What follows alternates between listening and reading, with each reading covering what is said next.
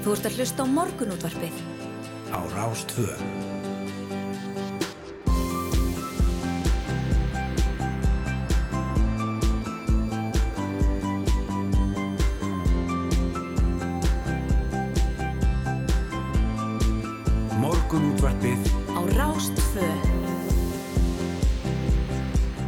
Góðan daginn, Morgunúttarpið heilsar, förstu dagur í dag, 15.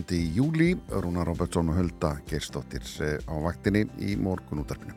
Já, við ætlum að vera hérna með ykkur og fylgja ykkur inn í þennan fína förstu dag, verðum hér auðvitað til klukka nýju eins og alltaf og uh, við ætlum að, að koma viða við, við, það er nú bara fastur liður að segja það í upphafi hvers dags, það er, væri eitthvað alveg nýtt ef það væri ekkert að frétta þetta hjá okkur. Já. og enginn kæmi. Já, og enginn vildi tala við okkur. Nei, nákvæmlega, við finnum kannski betri við það eftir sjöfréttir en eh, svona stiklum og stóru. Að þá ætlum við að þið fjallum laugavegshlaupið, eh, það er, eh, er sömannámskeið sem er fyrir börn sem við ætlum að eh, Nei, nei, Nú, nei, nei, nei, nei. Nú. við heyrum mjög mikið af sömanámskið. já, þetta er fyrir fullofna. En nú ætlum við að fara Alveg rétt. næstu sömanámskið fyrir fullotna. Ég sá bara sömannámskeið sem, já, já, það. Sást þessa setningu, sömanámskið fyrir börn, það er alveg rétt en, en við ætlum að forvitnast um, um sömanámskið fyrir fullan Já, rétt. Nú síðan uh, var fréttum í gær að, uh, að uh, það eigi að bjóða heilbrið starfólki að vinna til 75 ára aldurs uh, tillaga um það og ætlum að heyra í varaformanni félags íslenskara hjúkunarfræðinga og fá viðbröð frá henni um um þær tilugur. Andris Jónsson ætlar að kíkja við hjá okkur, hann var með mjög áhugaverða uh, punta um, um þegar að vera að leita af fólki í, í vinnu og í kjölf, hann kom með þá punta í kjölfarið af því að ráðið var e, sveitastjóra Dalabyðar og það var eh, sá sem að var ráðið var ekki meðal umsækjanda Já, eftir auðlýsinguna á, eftir auðlýsinguna og hérna annað svo er það reysa rocktónlingar íslenskir rocktónlingar í haust. Mhm. og svo uh, ætlum við að kynna nýja mann til leiks hérna í lok þáttar sem að ætlar að kíkja til okkar á fyrstu döfum svona núna í júli og eitthvað inn í ágúst uh, hann heitir Óli Boggi og er svona lífskúsnir. Já, að fá að vita bara hvað er að gerast hvað, hvert eigum við að fara, hvað eigum við að gera hvernig er við getum spurt hann út í hárgreslur við getum spurt hann út í, já. út í hvaðina veitingastæði, uh, viðburði. Já, ferðalög? Já. Já, Ég ætla einmitt að fara í klippingu setna í dag. Ég kannski fæ hjá honum einhver, einhver Einhverja að punta, hvað er inn núna, hvað á ég að gera? Já, Svo kem ég einna kannski bara, þú veist, rauðherð á mánudaginn með, með síta þetta með síta aftan. Það er að setja lengingar. Það er þetta hendi lengingar Hvernig væri það? er það ekki að kíkja bara á blöðin? Jú, við skulum aðeins uh, gefa okkur tími í það og um, á fórsíðu fréttablaðsins er mynd uh, eftir fótboltaleikin þar sjáum við svona, já, svona aðeins þungar á brún hérna íslenskar knastmyndukonur eftir leikin við Ítali í gær en eru hér á myndina að klappa fyrir áhörundum sem að voru eiginlega stjórnum leiksins alltaf hérlega mér að segja íslenskir áhörundur Já. letu vel í sér heyra já, en það döði ekki til, þetta var í eftirblí hefði þurft að vera sigur. Já, ég var skítrættur um að við tapa þessu leik því að hún hafði nóg að gera í markinu hjá okkur. Já, og þá var maður svona, ah, við þetta, þetta, þetta leikur aðeins mikið á okkur En stóðu sér vel hún Sandra og, og var eiginlega bara maður leiksins. Já, já, hún var það. En uh, liðið getur spila betur en það sýndi í gær. Já, við bara nú, nú sendum við alla okkar góðu ströma og orku til þeirra og, og, og heitum á þeir. Nú gerum við eins og, gert var í gamla daga heimi á mér og á amma, sko það bara heita á strandakirkju og þá kemur þetta. Nú förum við í það, allir að heita á strandakirkju Já, já, og, og hérna, þá, þá náum við að taka frakkana. já, einmitt. Þetta er sjaldan frakki nema síðu sé. Þessi típa vögn. Já, já. Það er hvernig var það. Sjaldan er jakki frakki nema síðu sé. Já. Gamalt kaffibrúsa kalla brandari. Já, já, tökum hattin á hann fyrir Gísla Rúnari og þeim. Já, En uh, fórsíða morgunblæsi segir hér skipilegja 25 lóð til viðbótar í Kvamsvík. Landegundin í Kvamsvík hafa kynnt áformum að bæta við 25 lóðum undir heilsáshús. Það er gert vegna mikillar eftirspurnar og Kvamsvík er í kvalferði. Alls 30 lauð, lóðir voru auðlistar til sölu í fyrra haust og var verðið frá 6 upp í 20 miljonir króna. Heimilt var að reysa alltaf 300 fermdra hús og var eitt húsið auðlist á 118 miljónir. Með að við auðlist verði í fyrra haust getur nýju lóðunar skilað landegundum 100 miljóna, segir morgunblæði. En uh, eftirspurnin í fyrra vakti aðtegli, nú sett í samingi við lítið frambóð ein, einbýlisúsa lóða á höfuborgarsöðinu. Já, þar með talið sjávaralóða, en slíka lóðir hækka í, hafa hækkað í verði samlega hækkunum á sérbíli.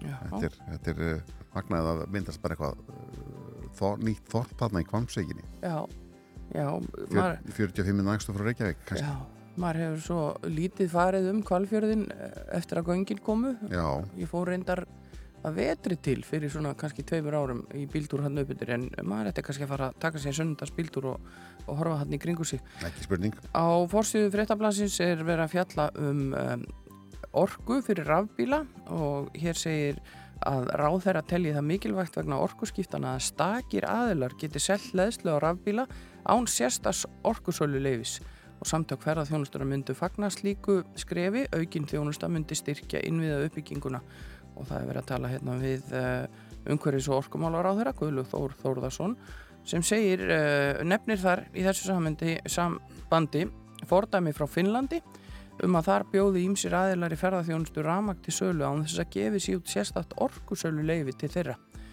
Og þessi heimild er til staðar hér heima og í stuttum máli geta allir selt ramag og um, gott dæmi um þetta í framkvæmt segir hann væri þá að veitingahúsið aðil í bændagistingu geti bóðið upp á einfalda tengingu gegn förstu gjaldi fyrir sína viðskiptavinni án þess að fjárfesta í dýrum búnaði. Já, þá þarf vantilega að setja eitthvað reglgerð vanandi verð Já, því að sko að maður hugsa þetta yfir í kannski í, í, í bensínið, Mhm. dísel ef einhver setur upp tank heima á sér þá getur hann ekki bara sett einhvað verð á það, það lítur að vera einhver já, já, uh, svipað og í, í nágrenninu, já. Og hérna segir, svo er tala hérna með Jóhanni Stór Skúlason líka hjá samtökum ferðarþjónustunar og honu líst vel á þetta. Og uh, svo kemur hérna í, í lokin uh, hugmyndir eru upp um app fyrir notendur. Ef svo stund rennur upp að auka með rafbíla geti keift sér rafmagn viðsvegar um landið. Já, Já, það er alls konar pælingar í gangi, það þarf að hugsa í lausnum. já, og þá þarf líka að hugsa er neðsamband fyrir appið þetta Það er alltaf eitthvað. það er marg að huga í þessu nú uh, Morgunblæði segir frá því hér á forsýðu Herin vil miljardar fjárfestingu en ríkiskaup hafa byrt auglýsingu fyrir höndu utaríkis ráðunætisins og varnamálasviðs landhelgiskeslunar þar sem vakin er aðtekli á upplýsingabeðni í tengslum við fyrirhugað útbóð og byggingu vöruhúsa fyrir bandarska flugurinn á öryggisvæðinu á keflagur hefur flugurinn óskað eftir framlægi upp á 94 miljónir bandarækjadala vegna framkvæmdana eða sem nefnir tæplega 13 miljardum íslenskra króna Hjörtur Jó Guðmundsson, sakfræðingur og alþjóða stjórnmálafræðingur segir þetta liði í að tryggja enn frekar ásand öðru að bandarækinn séu stakkbúin til að standa við skuldbindningar sínar gagvart Íslandi í samanami við varnarsamning landana en uh, hann kallar eftir hreinskilinni og opinu umræðu um varnamál hér á landi. En þetta þýður ekki, segir hann hérna inn, inn í blæðinu að, að, að hann bendir á að, að bæði íslenskir og bandarinskir fórustumenn hafi ítrekka líst því yfir að engin áform séu um að varanleg viðvera varðalinsins hér að lendi eða um, um við, varanlega viðveru. Að það sé ekki heldur þessi stemt að þeirri sem fyrirðum og ekki sé stemt að henni með þessum fyrirðum frangáttum þannig að mm. það er allavega ekkert svo vita sé en þeir eru eitthvað að bæta í, í aðstöðuna sína. Já, nú svo er hérna vafasamt met sem var slegið uh, í vikunni þegar 934 blöðklútar fundust í fjörunni í Bakkavík á Seltjarnanesi en starfsmenn umhverfistofnunar að vakta hana sérstaklega til að meta útbreyslu mengunar af því tægi. Það er alveg magnað að það er búið að tala mikið um það að þessi blöðklútar megi ekki fara í já, það er gert samt, já, já, þeim er samt hendanga já, já. Og þau finna uh, eirnapinna, dömubindi og ímislegt en, en þessi klútar eru vandamál og, og í, í, sérstaklega í gegnum síunar stöðarnar eða skólprinsi stöðarnar, Já, já. þetta stoppar og stíplar allt Já, já. Þannig að hættið að setja þetta í klóstið. Ég hef aldrei fattar endar eins og með eirnapinna hver sturtar eirnapinna í klósettið og Greinilega fullt af fólki. Já, af því að sko hann getur bara fest í, í bara í vasslásnum á klósettinu Já, já, þá er þú í hann komin í vandræði já, já, tóndur. já, já, eitthvað, við ræðum eitthvað annað Já, já. klósið hér rétt að eftir en færum okkur yfir á fréttastofuna. Þú ert að hlusta á morgunútvarpið á Rástvö.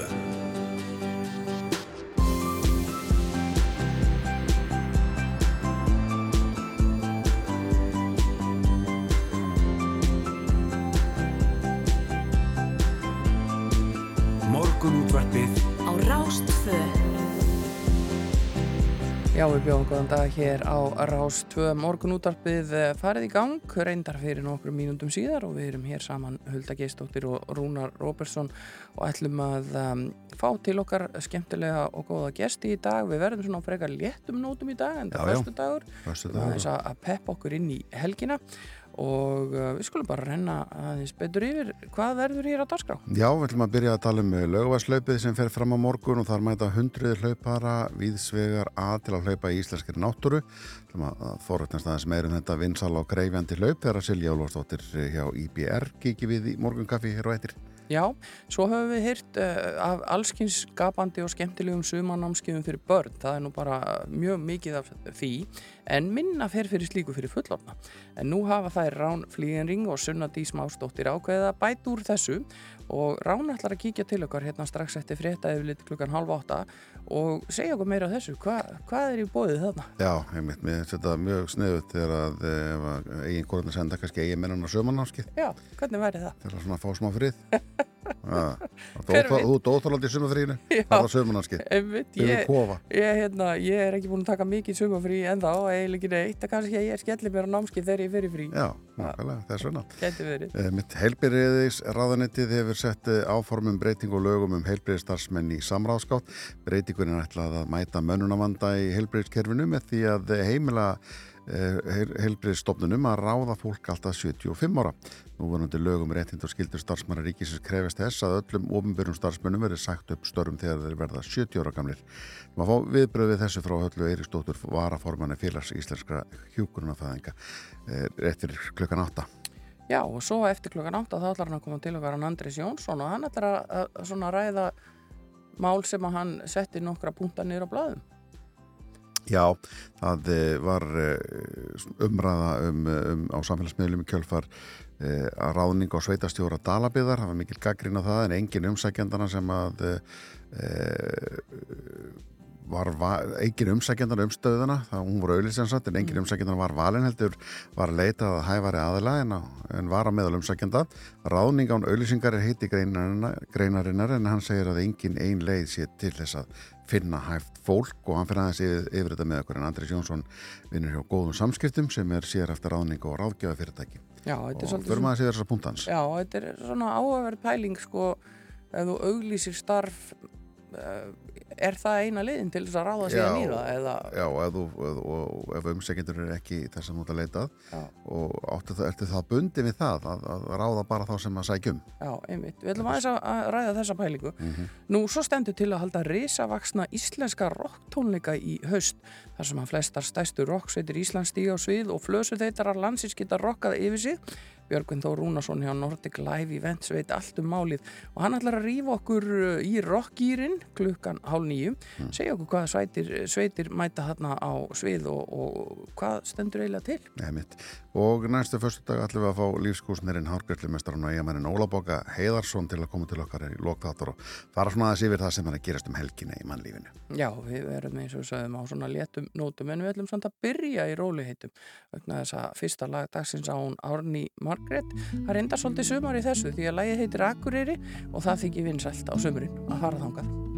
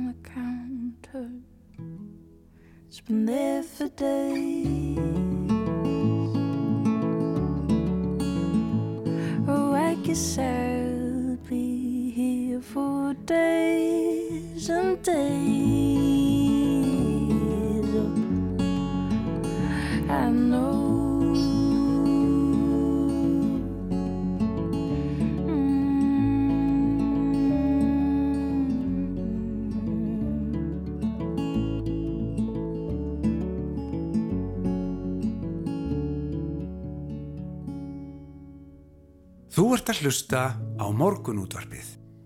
Já, fallegt lag hjá henni Árni Margreti, eh, vona á, á plötu frá henni, gott ef að það, hún er ekki bara detta inn eh, þessa dagana, eh, stórefnileg ung tónlistakona sem gaman er að fylgjast með. Já, En við erum að gá til við þess aðeins. Já, ég ætla að segja það, við hefum eftir að kíkja til veður, það er allavega mildt og gott veður hérna úti í Reykjavík núna þegar við komum svona snemma á dags, en, en, en hvað er í kortónum? Já, hugleðinga viðfræðings í, í morgunsárið þeir eru þannig. Í dag gengur upp að landinu lægð með vaksandi söðaustrandssunnan og vestrandsítegis og í kvöld og uh, kemur með uh, regningu. Uh, veðrið getur tafið þau sem ferðast gangandi um hálendið og best að vera komin til til að snemma í skjóli kvöld. Mm. Það við það í huga. Einnig getur veðrið haft áhrif á aukutæki, svo sem hjólísi og húsbíla sem að þóla ekki mikið vind, til dæmis undir eigafjöllum. Nú, þáttakandur í laugavæðslaupinu ætti að gera ráð fyrir nokkru vindi á fyrri hluta leiðarinnar á samt súldið að þókumóðu en smá saman dregur úr vindi eftir því sem að líður á morgundaginn en spár gera ráð fyrir skúrum í flestum landslutum á morgun. Á sunnundag gengur í norðanátt með skúrum eða regningu norðan til en létti til á sunnanverða landinu. Áframhaldandi breytilegt veður veðist viðvarandi í næstu viku Mm. en nokkuð mildi við landinu og einhvað þetta að sjást í sólar í öllum landslutum. Þetta er með betri hugleðingum sem ég hef lesið. Já, þetta er ítalegt og, Ég og, hef tekið á því sem bara er að gerast. Já, og uh, einmitt Með- talaði um með lauga- veðrinu? með um hérna laugavegs hlaupið Já, sem við ætlum að ræða eftir. sem við ætlum að spjalla um hérna eftir augnablík við hana Silju Úlfarsdóttur. Nú hjá vegagerðinni er bent á framkvæmdir í gangi við Tálnafjörðabæ þar sem að uh, vegurinn er hrjúfur og erfiður vegna framkvæmda og vegfærandu beðnur um að sína varkarni og tillitsemi. Síðan er það steinkastið á borgarferðavegi fyrir austan á Austurlandi og nú eru allar helstu leiðir á hálendinu opnar og það eru upplýsingar um það hér inn á vegagerðin.is en hlöðuvallavegur er þó skráður ófær og búast má við töfum við landmannalögar í alltaf 30 mínútur vegna áframhaldandi framkvæmda við brúna yfir Jökulgils kvísl austan landmannalöga á virkum dögum út þessa viku þannig að uh, það er svona ímislegt í, í gangi á uh, hálendinu. Já, já. Emitt og uh, uh, ég held að að, að, skella okkur bara í næsta laga ekki áður en að við förum að skoða lögavæslaupið. Silja Úlfars mætt til okkar og ætlar að segja okkur allt um það hér eftir smástund. Já, hendum okkur í smá sænst eðalpop, þetta er hljónstinn The Cardigans og lag sem heitir For What It's Worth.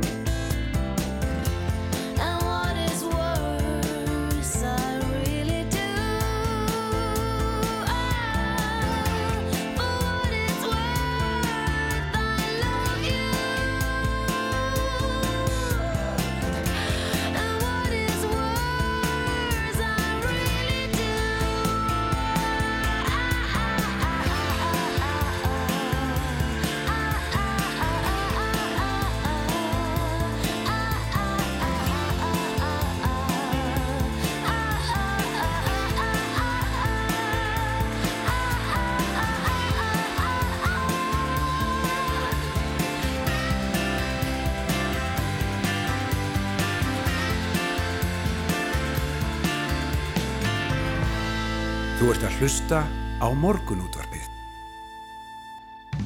Já, alltaf gaman að hlusta á Cardigans uh, þvílík eðal grúpa en við vorum búin að segja ykkur að við ætlum að tala um laugaverslaupið sem fer fram á morgun og þangað mæta hundruð hlaupara viðsvegarað, ekki bara viðsvegarað á Íslandi heldur úr heiminum og okkur langaði að heyra eins meira um þetta vinsala og krefjandi hlaup og hún Silja Úlfarsdóttir á IBR er komin hérna til okkar og, og hún veit uh, allt um þetta. Velkomin. Takk fyrir, takk fyrir. Sko, nú vorum við hérna rétt áður en að þú tiltir þér niður hjá okkur að, að lesa hugleðinga veðufræðings og þar var nú uh, hlaupið nefnt sérstaklega og um, það má svona búast við kannski svolítið krefjandi aðstæðum uh, en það er væntalega ekki í, í fyrsta sinn er það lög, í lögaverslaupi að veðrið svona getur haft áhrif á Íslandi. Mm, Sko nei, en á sama tíma þá hérna uh, síðustu tíu árallana hefur veðrið ekki verið svona slæmt sko. Nei. Þannig að hérna, já já, þetta er bara fólk sem æfir utan við að hlaup. Það er tilbúið í ímislegt og leggur ímislegt á sig og, og þau hérna kynna sig við að spána vel. Hvað eru, hvað eru mörg skráð til leiks? Herðu, það eru hátt í 650 manns skráðir Já. og hérna það eru, þau komum frá 32 eh, hérna, þjóðurnum, mér finnst það alltaf svolítið gaman að Já. fylgjast með því og flestir er Magnað. enda bandaríkjamenn og, og þjóðverjar og breytar og hérna já, þe- þetta er þetta er algjör veisla og þetta er svona eh, svolítið hápuntu sumarsins kannski allan hjá, allan hjá okkur kannski íbjara vissuleiti, þetta mm. Reykjavík marathónu séu hjúts, en það er eitthvað svona stemning að vera að fara allaveg þanga upp yfir með hlauparana skipulagið, er gríðalegt í kringum þetta Mm. ég veit að, hlauparannir eru mjög spenntir ég voru einum sem sagt búin að aðfenda gögnin hann er er búin að heyra alls konar bara áhugavera sögur að, að hérna, fólk er búin að stefna á þetta bara í einhver átta ár og Já, já. svo er fólk að kominga og farangurinn týnist náttúrulega í öllum flugvallakásnum þannig að við erum alveg bara plýst verið með hlaupahötun í handfarangri Skóna, alltaf skóna Að, í bakbókanum. 100% skóna þannig að við erum búin að vera veist, að, í alls konar verkefnum að rætta einu og öðru sko. Já. En fyrir þau sem er að hlusta og þekki ekki til, uh, fólk hefur auðvitað kannski heyrt þetta nefnt, þetta lögavarsvegs hlaup, en hva, hvaða leið er þetta? Hvert er verið að laupa og hvaðan? Herði, það er hlaupi frá landmannalögum upp í Þósmörk Mm. og hérna, þetta er svona cirka 55 km leið og já, hlauparnir fá í raun og veru bara nánast allt sem íslensk náttúra hefur að bjóða sko. það er svolítið svona kuldalegt í byrjun og það eru óvenni mikill snjór núna og, og, og það er svo, er svo, fá, það er svo bara frábært að það eru björgunarsveitar núna á leiðinni sem eru búin að vera alla vikuna að móka sko stíga í gegnum snjóin og við erum að tala um bara að það er stígi. Já. þeir byggu til stiga og þetta er bara, þetta er svo frábært sko að hérna hvað allir eru að vinna saman í þessu. Og hérna snjórin er sko sem planur alveg það hára hann er eiginlega bara yfir okkur Ég sá nefnilega myndir úr landmannlögum fyrir stuttu, Já, þar sem að maður var einmitt að- horfa þetta mikla snjómann sem ennþá væri. Já það er, en góðu frétnar eru það snjórin er svolítið harður Mm. þannig að þau eru ekki sökva sko en, Já. En hérna, já já, við, veist, við erum með hlaupara frá Texas sem að Þetta Svo- getur verið viðbriðið þar. Já, já, já, algjörlega og hérna, en, en við erum öll undirbúin og, og hérna, með náttúrulega bara frábært fólk á leiðinni í björgunarsveitunum og, og fríski flóamenn er algjör, algjörlega Hversu geggjær. mikið umfang er þetta? Hvað er margir til með starfsmenn sem að verða, verða þarna á svæðinu? Um, sko, ég er ekki alveg með það á hreinu, en hérna, ég veit að þetta eru margir hópar sem koma að þessu að, að, að passa upp á hlauparana og svo eru sko tímatakmörk líka þannig að þú getur ekkert bara verið eitthvað dúllastir sko, hver eru þau? Þannig að þú verður að vera farin úr, um, mér langar að segja emstrum innan við fjóru tíma. Ég er örglega ekki að segja rétt frá. Að Jú, nei, það er áltavatn. Það er Já. áltavatn sem er 22 kilometrar og þú verður að vera farin af drikkjastöðinni innan við fjóra tíma, annars ertu bara sendur heimir útur, sko. Já, já, Og svo er það emstrur sem er 38 kilometrar sem er 6,5 tími. já. Þannig að það er ekkit í bóðið að fara og taka þátt í þessu og labba þetta. Já, Ekki- nei. Ég er ekki að fara, Nei, ég, ég nenn ekki að byrja því. Nei, og, og, og þetta endar, hvað sagður, í básum með það? Nei, Nei. þetta endur í Húsadal. Þetta endur í húsadal, já. Já, og þar er alltaf bara, ég er búin að vera sagt, þarna síðustu tvö ár í Já. Húsadal, ég hef aldrei farið í landmannalögar eða lauga veginn, ég er klálega að fara að gera það á næsta ári, er, ég bara fæ svo fallega myndir, en hérna, það er yfirleitt alltaf rosa góð stemning í Húsadal, þar eru aðstandendur og hérna ræða við útlendinga það sem að, hann er að segja, já, kona mín og fjölskyld ætla að koma, þú veist, hvernig kem ég þeim þangað, sko, og ég bara, já það, veist, það er rúta sem getur bara farið við vatnað mikið í ánum og, og svo er brú og þú veist, eitthvað, þau eru bara eitthvað, veist, þau eru bara tunglinu, sko. Sérstaklega verður að koma frá hérna, hvað var það, eitthvað bara Indlandi eða eitthvað, þú veist, og bara þetta er, þetta er alveg gaman, sko En þetta lítur að vera einmitt mjög spennandi og heillandi fyrir fólk sem hefur aldrei kynst uh, því að hlaupa við svona aðstæður. ekki spurning og sko fyrir COVID þá var þetta cirka svona 70% útlendingar Mm. og erlendi þáttakandur og hérna núna erum við í 30% og þannig að þú veist það er náttúrulega COVID árin það var mjög lítið en það er alltaf að vera fjölga Já. sem þýðir náttúrulega að það er bara vera meiri pláss fyrir Íslandinga sem er frábært og hérna þannig að já, mist svona líklegt að útlendingarnir fari að mæta núna aftur í auknum mæli sko því þetta er náttúrulega, þetta er eitthvað svona life goal hjá mörgum sko Já, en hvað er metið? Ég meina, hvað er besti tími sem farin hefur verið á í, í, í lögavarslaupi? Herðu, hann, Þorbergur Ingi, hann hefur farið mig minnir 359 Þrjár klukkustundir og 59 mínútur. Já, Úr þá, landmannalögum í Húsadal. já, á eigin fótum. á eigin Þetta fótu rosalegt. og hlaupið alveg svakalega rætt Hún var að segja hérna áðan að þú, ef þú ert ekki búin með sko hlutaleðarinnar fjóru tíum þá ætti að sendur í rútuna. einmitt. Hann fór Já. alla leðina fjóru Já, tíum. einmitt. Hann fór bara fram úr rútunni tvisvar. Þetta er nefnilega rosalega sko. og svo er sko hérna um, sem sagt, fyrst kvenna sko, hún fór undir 5 klukkutíma í fyrsta skipti fyrra, það hefði aldrei gerst Já. Og það er hún Andrea Kolbens Þorbergur Ingi verður að vísa ekki með þetta nei, á morgun. Já. Uh, hann er búin að glíma við meðsli en Sigurverðin frá í fyrra sem heitir Andrew Douglas hann kemur frá Breitlandi og hann ætlar að koma aftur. Mm um, og hérna Arna Pétursson ætlar að- spreita sig í sínu fyrsta lögusleipi og, og hann hérna hefur að vísa ekki hlaupi lengur en 26 km utanvega hlaup þannig að þetta er svona veist, það er rosa margt sem að verður spennandi við þetta og svo eru hérna þeir bandaríkjumenn sem að veist, skráðu góðan tíma en þeir náttúrulega hafa aldrei farið þarna og maður veit ekkert hvað þeir geta og, Mhm. og Þorsteinn Rói og Snorri Björns og bara fullt af, hérna, fullt af flottu sko, gæjum sem að mér er svona líklegt að þeir reyni örgulega að skíla hver öðrum svona einhvern part að leiðinni og, og svo byrja bara sprettlöpið sko, sem, að, sem að við getum ekki einu svona gert bara á venjulegum degi sko. Sko það kom fram í, í veðurspáni sem við vorum að lesa hérna áðan að það gæti orðið súld og jafnvel þoka. Uh, hvernig er þetta mert? Er eitthvað hægt á því að fólk getur hinnlega vilst? Um, nú, þekki ég það ekki vel. Mér langar að segja nei, það getur ekki vilst, en, en, hérna, í, en sko, til þess að fá að fara af stað í hlaupinu, þá er svona ákveðin skildubúnaður sem fólk þarf að hafa og það er hérna jakki, þau verða að vera í jakka núna, við hefum ekki haft það áður. Þú verður að vera með flöytu, þú verður að vera með svona álteppi Mm og eitthvað eitt annað sem ég er að gleyma núna. Já, þannig að það er, er gert Já. ráð fyrir því að, að fólk sé undir það búið að eitthvað geti komið upp á. Já, og það verður að vera með síma og einn, einn, tvo fast inn í símanum. Að geti hérna. En er bara, við erum, eins og ég segi, með Björgunarsveitina hana í fjallinu og, og erum í stanslösu sambandi við þau og við sjáum þegar fólk kemur í gegnum hliðin og þess áttar og einhver skila sér ekki, þá er bara strax farið að leita og það er eftirfari. Mm. Það er hópur af fólki sem að fylgir alltaf síðasta manni, sko. Já, Þannig að, hérna, að það er vel haldið utan um þetta. Já. Já, það er, er gert það, sko. Já. Rétt í lokin áður við kveðið Silja, er eitthvað hægt að fylgjast með þessu? Er, er eitthvað Facebook síða eitthvað þessi Já. tímannir koma inn eða eh, fyrir áhuga sama? Ekki spurning, það er hérna laugavegslaup.is Mm. þar er, veist, er allar svona helstu upplýsingar en við verðum með Facebook síðu og hún er mjög live og Instagram síðan okkar er líka mjög skemmtileg því fólk er mikil spenningur er að sína svo mikið frá hérna, undirbúningnum og þess aftar þannig að um að gera að koma á hérna, Facebook og Instagram okkar og við ætlum að reyna að vera með live feed frá hérna, byrjun og endi. Mm að fyrir allt eftir netsambandi, það er ekki Jú, alltaf að vinna með okkur sko, en, en það er svona markmið fyrir morgundaginn að hafa það.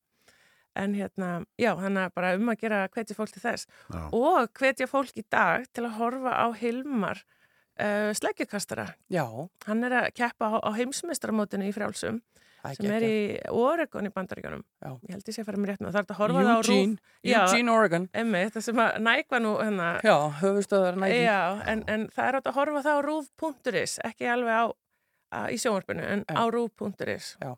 Klukkan hvað er hann, veistu það? Hann byrja klukkan fjögur, þetta eru undarásinnar og hann er, hans besta er alveg við það að komast áfram. Já. Þannig að hérna, við erum að krossa fingur. Það alveg fullt að gerast í Jú, Íþróttalífinu. jú. Bæði fyrir hann og alla hlauparan á morgun Silja Úlfarsdóttir á IBR Takk fyrir að kíkja til okkar í morgun út Takk fyrir.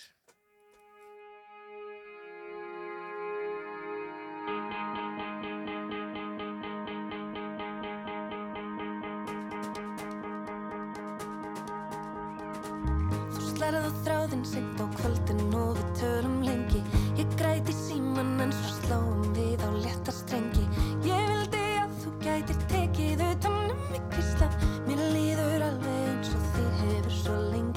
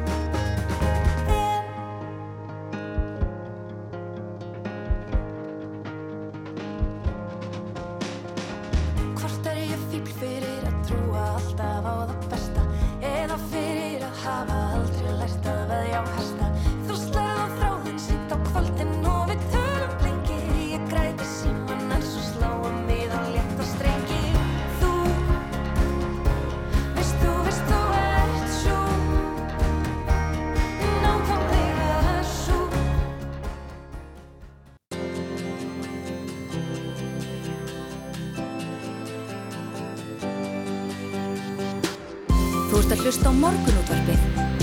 Á Rástvö. Jú, jú, við erum hér samankomin á Rástvö á föstudagsmótni En spáði það að vera að hlaupa hérna 55 km upp á hálendinu. Sér þetta ekki fyrir þér? Þetta er bara úst, útsinnið og annað sem þú hefur ef, ef að það er í bóði Já, en gæti orðið súld og þoka á morgun því já, já, en ég menna hugsa samt Ég held þetta Bara- sé geggjað. Já, alveg, alveg, alveg frábært. En þetta er lengri marathón Já, þetta er 55 kílómetrar já, Vá, Jæja, þið um það, ég Já. ætla að vera að horfa Netflix á morgun. Já, það er bara svo leys Já, ég, það er bara, við erum búin að, ég er búin að tala um það alla vikuna, svona með við veðurspá og, og svona, já bara uh, mikið að gera búið að vera undarfarið þannig að ég, ég tel niður í náttbúksna dag á morgun. En ég dáist að fólki sem að hleypa laugavegin, uh, það er ekki nokkuð spurning, nei bara nákvæmlega. áfram þið. Einmitt, en nú er uh, miður júli og þá er nú um, að vera á sömarnámskeiðum til dæmis fyrir börn Já. en líka fullorna Já, nú er ráku við augun í, í nýjung, þar að segja að nú á að bjóða upp á sumar, skapandi sumarnámskið fyrir fullorna. Eh, Það er Rán Flýinring og Sunna Dís Másdóttir ákvaði bara að, að stíga inn í þetta eftir að hafa séð allt sem er í bóði fyrir börnin og, og við erum forritin að vita meira og þess vegna fengu hana Rán til okkar. Velkomin. Já, takk. Hva, hvað eru þið stöllur að, að pæla? Við erum með námskeið í ágúst fyrir fullorna, en eh, ekkert bara fyrir fullorna, bara fyrir öll sem Mm, vilja. mm. Um, og það þarf ekki að mæta í neina sumabúðir eða neitt þannig. Nei, það er ekki svolítið, ekki með græja nesti fyrir allan daginn. Og... Nei, það er náttúrulega ekkert verra að hafa nesti, eða þú veist, það er aldrei verra. Já. en þetta er, við kallum þetta párað í ágúst og þetta er fjarnámskeið. Mm. Og hérna, og markmiðið er svona eiga daglegt stefnumót við sjálfan sig. Já, Þannig að, og skissubók. Þannig að hverju, þannig maður- þau sem skrá sig fá á hverjum degi í ágúst, fá kveikju í tölvupósti. Í kveikinu er svona lítið verkefni sem að kemur mann af stað í einhvers konar, í sagt að, að teikna í að minnstakosti, teikna að skrifa í skissubók í að minnstakosti 15 mínútur. þannig að, þannig að þetta er svona til þess að koma mann á stað til þess að nota bæði bara svona virka huga og hönd Já. í skissubókina til þess að gefa umhverfi sínu gaum og eitthvað en svona festa það á blað og eiga einmitt, þetta er bara svona skapandi stefnumóti sjálfan sig. Já, þarf maður að vera flinkur að teina til að með að vera með í þessu? Alls ekki. Nei. Það er náttúrulega pælingin, sko, pælingin er eitthvað að það er svo margir, ég hitti svo margir sem segir, ó, ég hef ekki snert hérna blíjandi í þúsund ár og ég kann ekkert að teikna eða, og marga líka sem bara langar að skrifa, en þetta Já. er náttúrulega bara eins og allt annað, eins og að hlaupa hérna 55 km Mhm. á hálendinu, en náttúrulega bara þetta eru vöðvar sem þarf að æfa, það Já. gerist ekkert að sjálfu sér. Nei. Þannig að þetta er einmitt svona námskeið sem er hugsað til þess að koma sér á stað og það er náttúrulega bara mörg sem að sem að finnst mjög gott að fá okkur svona verkefni þannig að Já. þetta er það. Já. Við búum til verkefni, við sjáum allt, um allt þetta svona einhvern veginn. En þetta þið spark í rassinn já. og svo, svo En, er bara að setja en sig þið niður. er allir svo ekkert að fara að leggja eitthvað faglegt mat á þetta. Nei, sko, nei, alls, en það er líka heila, he, sko, það er, má alls ekki Nei. í þessu námskeið. Það er bara alveg bannað að vera með eitthvað mat eða eitthvað svona gaggrínisrödd eða eitthvað svoleiðis. Þetta snýst bara um að gera eitthvað. Já. Og það er eiginlega, þess vegna er þetta líka inn í skissubók, svo bara loka maður blaðsíðinu sem maður er búin með og kíkir ekkert á hann aftur fyrir en kannski setna þegar maður vil sækja eitthvað ángað eða ekki. Mm. En, en þú veist, það er, ég held að sé eitthvað svona úr myndmend í gamla daga, þá var alltaf eitthvað svona einhver var bestur og einhver var góður í þessu og hinu. Þessi fekk myndina sína hengdu og hinn ekki. Já, en þetta er svo mikið um veginn, bara nota þetta sem eitthvað svona tól. Já. Þetta er bara eins og myndavelin í símanum, það er enginn ljósmyndir að fara að kíkja á það eitthvað, hvort þú hefur gert vel. Þetta er bara Já. einhvern veginn um að nota þetta sem eitthvað svona, Nótur eitthvað fyrir sjálfan sig og muna og fyrir að horfa á hluti öðruvísi. já. En svona kveikja og svona vinna getur oft einhvern veginn opnað á eitthvað annað á stærra og einmitt ítt fólki af stað. Við Mhm. þekkjum það til dæmis bara úr ímsum námskeiðum í skapandi skrifum í gegnum tíðina. Það hefur jafnvel orðið kveikja til þess að fólk hefur síðar bara gefið út heila bók. Uh, munu þið, þau sem er á námskeiðinu, deila þessu eitthvað sín á milli eða, eða er þetta bara þín vinna með þér? Sko, það er, sagt, við, í námskeiðinu eru þessar kveikir sem hún færð á hverju mótni. Það er svolítið svona með sjálfum sér, og, en svo bjóðum við, svo sendum við vikulega myndbönd með góðum ráðum og svo búum við til Facebook-hóp sem að fólki, það er valkvægt að taka þátt í því, en þar er svona svolítið hægt að spjalla saman og, og, hérna, og deila annarkort bara hugleðingum eða því sem að þau hafa verið að skrifa eða tekna Já, og við verðum þar inni, ekki beinlýnis að, að hérna, kannski einmitt svara þannig lagað en jú, er svona eiga einhverjum samræðum og gefa góð ráð. Já, og svo hérna e, já, nei já, ég ætlaði nefnilega að segja ég, ég nefnilega þessi hugmynd kom til að því að ég fór á svona námskeið hjá henni sunnu já. í februar sem hétt skrifa áskorun í februar og þá, mér finnst þetta svo forvetnilegt af því að mér finnst sjálfur best að vera einn þegar ég er með skissubók, mér finnst ekki það er alveg gaman að fara á svona námskeið með mörgum en oft er þetta samt líka eitthvað svo mikill svona innhverfur business. Og, hérna, og ég skráði mig á það námskeið og, og það var, þetta var bara eitthvað svo frábært, frábær uppsetning. Já. og þú færði þetta veginn bara til þín, þú ræður svolítið tempóinu, hvernig þú ert í stuði að gera þetta, svo getur þú notað aftur. Og þetta er eitthvað svona, já þetta var eitthvað svona spark í rassin, þannig ég sá strax að þetta geti verið geggjað sem svona í sumafríinu, í tjaldútilegunu og Mm. svona rennir upp eins og í auðlýsingunum tjaldi Já. og setur tætnar út með Ah. skissubókina og teknar eitthvað Já, hvernig, hvernig tekum við þátt í þessu? Hvernig erum að, getum við að vera með? Eh, skráning, sko, ef þú ferð á Facebook og skrifar párar, párað í ágúst, Já, fjarnámskeið, eða bara párað í ágúst. En það gengur ekki að googla það. Ég var eitthvað að prófa það. Já, Já. Þannig að ef einhver er ekki á Facebook, sem er, þá er hægt að senda mér bara línu. Hvernig gerum við það? Maður bara, ránflýring, Já. alltgmail.com. Já, það er já. flóknara. ekkert flóknar en það. En fyrst við erum nú með því hérna Rán, þú ert auðvitað starfandi listamæður sjálf og það hefur verið brjálað að gera hjá þér undanfærin ár. Eh, Þú hefur verið að minnskreita ótalmarga bækur og, og verið meðhöfundur af bókum og tekið þátt í alls konar verkefnum. Eh, Hvað er, eh, ég tala nú ekki um lundahótelið sko, en hvað er listamæðurinn Rán Flýring að gera þessa dagana? Eh, akkurat núna er ég, við erum náttúrulega, já, þetta námskeið er að fara að stað, svo er ég á fullu í að gera bók um eldgós, eða það er ekki um, það er um eldgós, Já, en það er svona sprottið upp úr mínum 15 ferðum að, í Geldingadali. já þú, fórst, þú, þú mistur þið alveg. Ég bara misti mig alveg, þetta er bara það trublaðasta sem að ég, ég bara, ei, þetta er bara algjörlega hell tók mig Já. En er þetta þá bók sem er svona í þessum, ég hef ekki getur sagt stíl eins og til dæmis hestabókin og, og, og uh, fuglabókin? Já, nú spyrðu um, hú, þetta er bara nei, nei, hún er Þetta er eitthvað allt annað. Þetta er eitthvað allt annað, þetta er allt annað. En þetta er rosa mikið um sko að því að sem ég fannst ekki minna merkilegt er bara einhvern veginn þetta góð sem er bara öll móðir jörð, bara spúandi eldi og svo hinbóin allt fólkið Já. bara einhvern veginn allt allt hérna hafarið og smáralendin þar eitthvað. Já, já. og Svolítið það svoleiðis. samband sem Já. er eitthvað svo ótrúlega spennandi þannig að ég er svolítið að skoða það Já.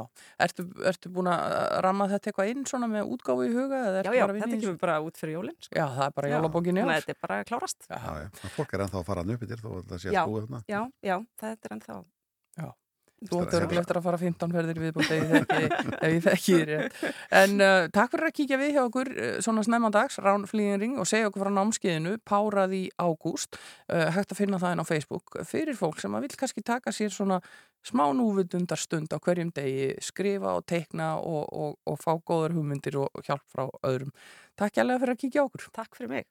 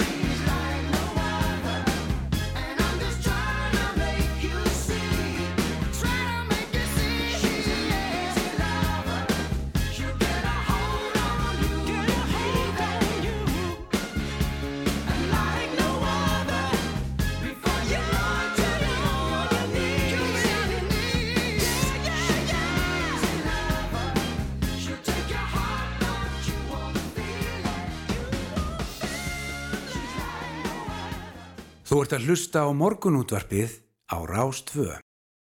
Já og uh, þess vegna ætti allir að eins að fjallum uh, fréttir sem að bárust í gær en heilbreyðsráðanettið hefur sett áformum breytingu á, á lögum um heilbreyðstarfsmenn í samráðskátt og uh, breytingun er ætlað að mæta mönnunavanda í heilbreyðskerfinu með því að heimila heilbreyðstofnunum að ráða fólk alltaf 75 ára en nú verður lögum réttind og skildur starfsmannaríkisins krefast þess að öllum ofinbjörnum starfsmennum verður sagt upp störfum þegar þeir verða 70 ára gamlir og margir sem vilja vinna aðeins lengur og eitthvað slíkt.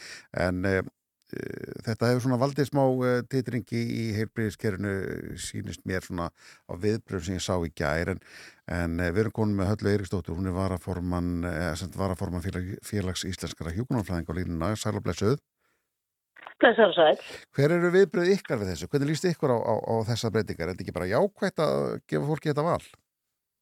Uh, jú, sjálfsögður það og hérna það bara hefði verið gáleira að setja þetta á alla ríkistafsmenn, ekki helga þessu bara heilbríðstafsmennum en að því að það er kannski eitthvað svolítið miskilingum með heilbríðstafsmenn að þetta sé eitthvað léttvægt störf. Mm. Að starfa við umönn og hjúgrann er bara hörku vinna og og bjóða þeir maður starfa lengur í fullu vinnu eh, sko, við meðum fara að hægt að vinna 67 ára og jáfnvel fyrir en að bjóða okkur vinna 8 ári viðbútt það, það er svona kannski það sem að fólk sér ekki alveg fyrir sér sem að sé mjög eftirsóknarvert Nei, en er það þá ekki sjálfvald sett hvort að fólk þykkur það? Jú, að sjálfsög og það, það munur örglega einhverju gera það en eins og ég bendi á sko, vil benda á að hjúkrun er í raun og veru Meiri hluta starfsmanna eru í vaktavinnu, þetta er hörkupúl, þetta er ekkit léttægt, það er margi koni með sko enginni bara eins og hafnaverkamenn mm. á efri ár og uh, þetta er, þú þarfst alveg hörku heilsu til að standa í svona streitu og líkamlega álægi vinnu. Þannig að þessi leið er kannski ekki það svona sem munir leysa vönnun á vanda heilfríðskjæðusins. En finnst ykkur þetta að vera sett þannig fram að þetta sé ykkur allsærja lausn? Já sko eins og þetta hljómar þá er þetta bent á þetta sé leið til þess að leysa mönnunavanda og svo verið farið aðra aðgerðir. Mm. Það er svona þetta er fyrsta aðgerðin sem kemur til mótsvið það að leysa mönnunavanda. Það sem margóft hefur verið bent á aðra leiðir til þess að gera það. Já. Og þetta er svolítið sérstat sko þetta beinist að sko ef við tökum saman sko hverju þetta eru. Þetta eru sem sagt konur og í meiruluta, þetta er svona 40, ef við tegum sjúkralega, hjúknafræng og ljósmaður, þá er þetta um 48% af hilbriðistarsmunum sem þetta beinist af og þetta er allt meira að vinna konur. Mm. Við skulum endur að lega þeim að vinna til sjötugs, að það er svo ánar að vinna í þessu kerfi. Mm. Þetta er svona skilabóð sem að ég held að heilbriðistarsmun þurfi kannski ekki endilega að fá akkurat núna til þess að bjarga þeim í mönnunavanda. Nei, heldur það að munni myndast einhver pressa á fólk þá að, að framlengja starfsæfina bara að út af því að ég get ekki hætt e, þó ég vilja það e, vegna þess að, e, að það vantar fólk og ég verða að vinna lengur? Já sko, það verður öruglega einhverju að gera það því að þetta er alveg eins og ég segi þessi stjætt hún helgaður helga sér starfinu mjög vel sínt mjög mikla sko trúrækni og saminsku sem er gagvart sínum yfirmanni sem er í meilluta ríkistarsmenn en ég er ekkit vissum að þessi velvild sé að sé ekki mikið svona þegar það er að líða á því að stjættin er að raun og veru búin að kalla eftir viðbröðum til lengri tíma og það gerist mjög lítið og það fyrsta svona útspil sem er kemur núna að það er að láta gamlu uh, sko, einstaklingarna vinna lengur.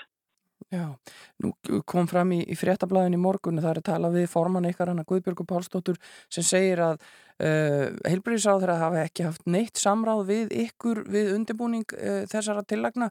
Uh, hvað finnst þér um það?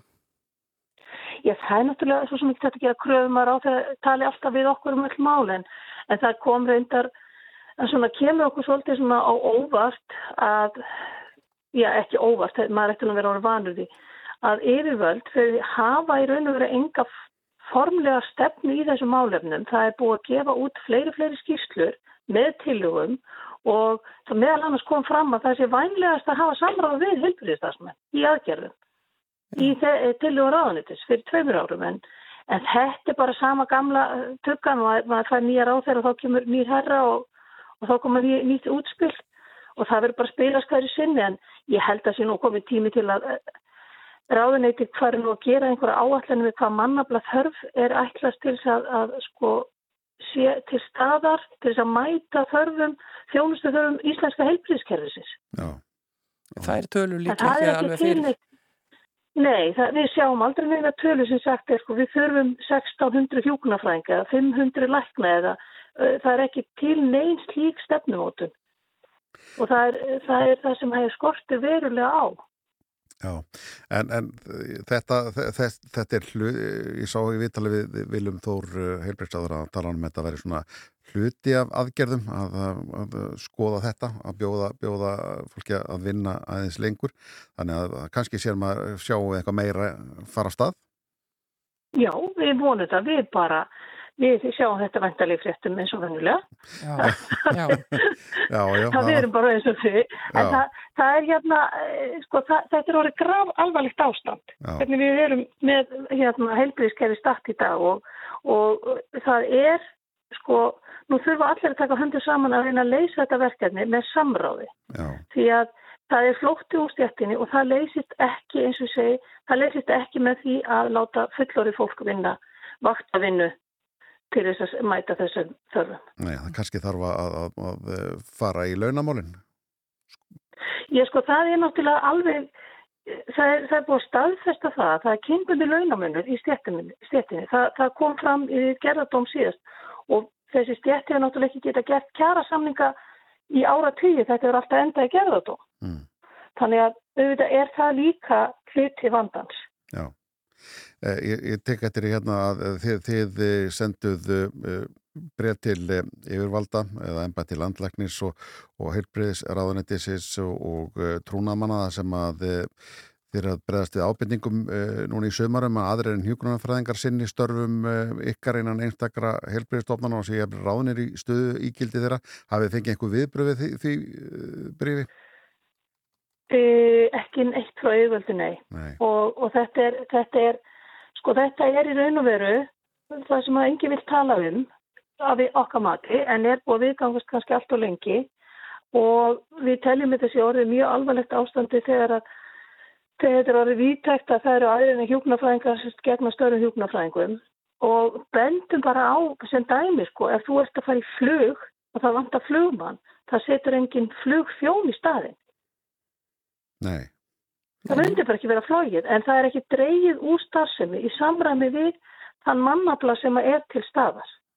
Já, það, og, og, og, og eh, það er vöndunum svo að segja af, á hjúgrunarfræðingum og, og það er mönnunarvandi eh, en það er ekki tekið rétta á málum um, til þess að leysa þetta eins og til dæmis með því að gera við ykkur eh, betri gerasanning. Já, það er náttúrulega bara það sem er í raun og veru í pípónu núna að hefja kæra viðræður Já. og það kemur þá bara ljós hvað úr verður. Hversu virði hjúknarfræðingar eru í Íslenska ríkinu? já. Já, þetta er uh, stórt mál og verður ekki leist hér í fljótu bræði en takk fyrir að vera á, á línunni Halla Eirísdóttir varaformaðan félags Já. íslenskra hjúkurnafræðinga gott að heyri í þér og, og, og við Já. fylg, fylgjumst áfram uh, með þróun mála á þessum Já, vettvangi. endilega vaktiði heilbríðskerfi. Það veitir ekki af að vekja aðtikli á því. Takk fyrir kærlega. Takk, takk, fyrir, takk fyrir spjalli. Og framöndan hér hjá okkur eh, klukkan átta er það fréttir að sjálfsögðu. Og hér er bara komin að stað Pála Nútíni Já, já, bara beint í stæmaran hérna Through the Echoes I always smile when I feel like I'm gonna cry. She asks me why. Over the cliff in phantom sands, she's always offering me her hand. And I hear her coming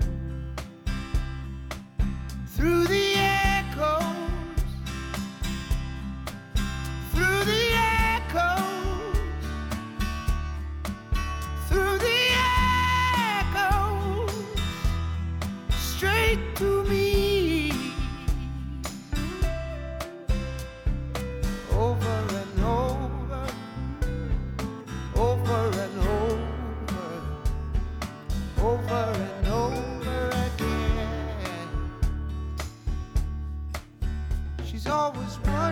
what it would feel like to fly I ask her why she says everything that she sees shine is in the sky. Up there shining.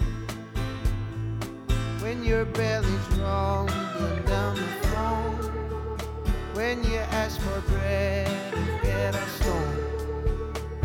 When you feel like you're alone. Listen for me coming.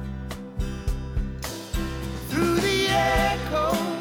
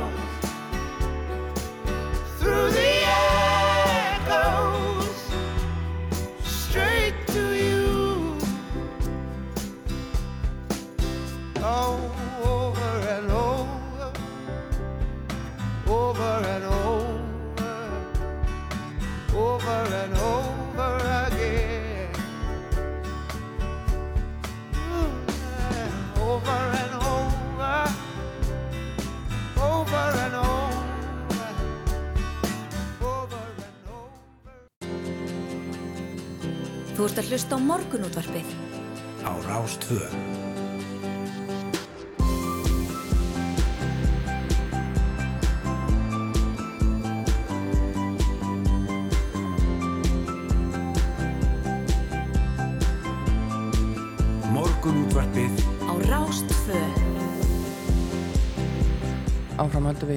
Morgun útarpinu setni klukkutímin framöndan. Við ætlum meðal annars að heyra af risavöksnum íslenskum rocktónleikum sem farið að fram í haust og við ætlum að fá lífskunstnerinn og hárgræslumeistran Óla Bakka til að koma að spá aðeins í sangvæmislífið framöndan. Já, já, bara það sem er að gerast í mannlífinu hvað er að skoða og hérna Hvað er að vera? Hvað er að vera og eitthvað svona dót sko.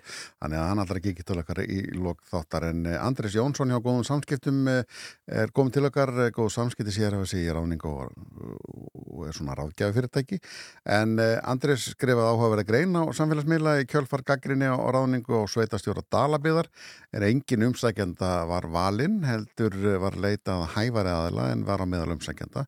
Ráning án auðlýsingar er heiti greinarinnar en hann segir engin leið sér til þess að finna eh, engin einleið sér til, til þess að finna hægt fólk velkomin til okkar, Andrés. Takk. Eh, Farðan að segja þetta með okkur, þú settir fram einhverja tól punta það sem að þú segir sko að þráttur að séu starfið séð auglíkst þá þýr það ekki að þú sért bundin því að ráða þá sem sækjum?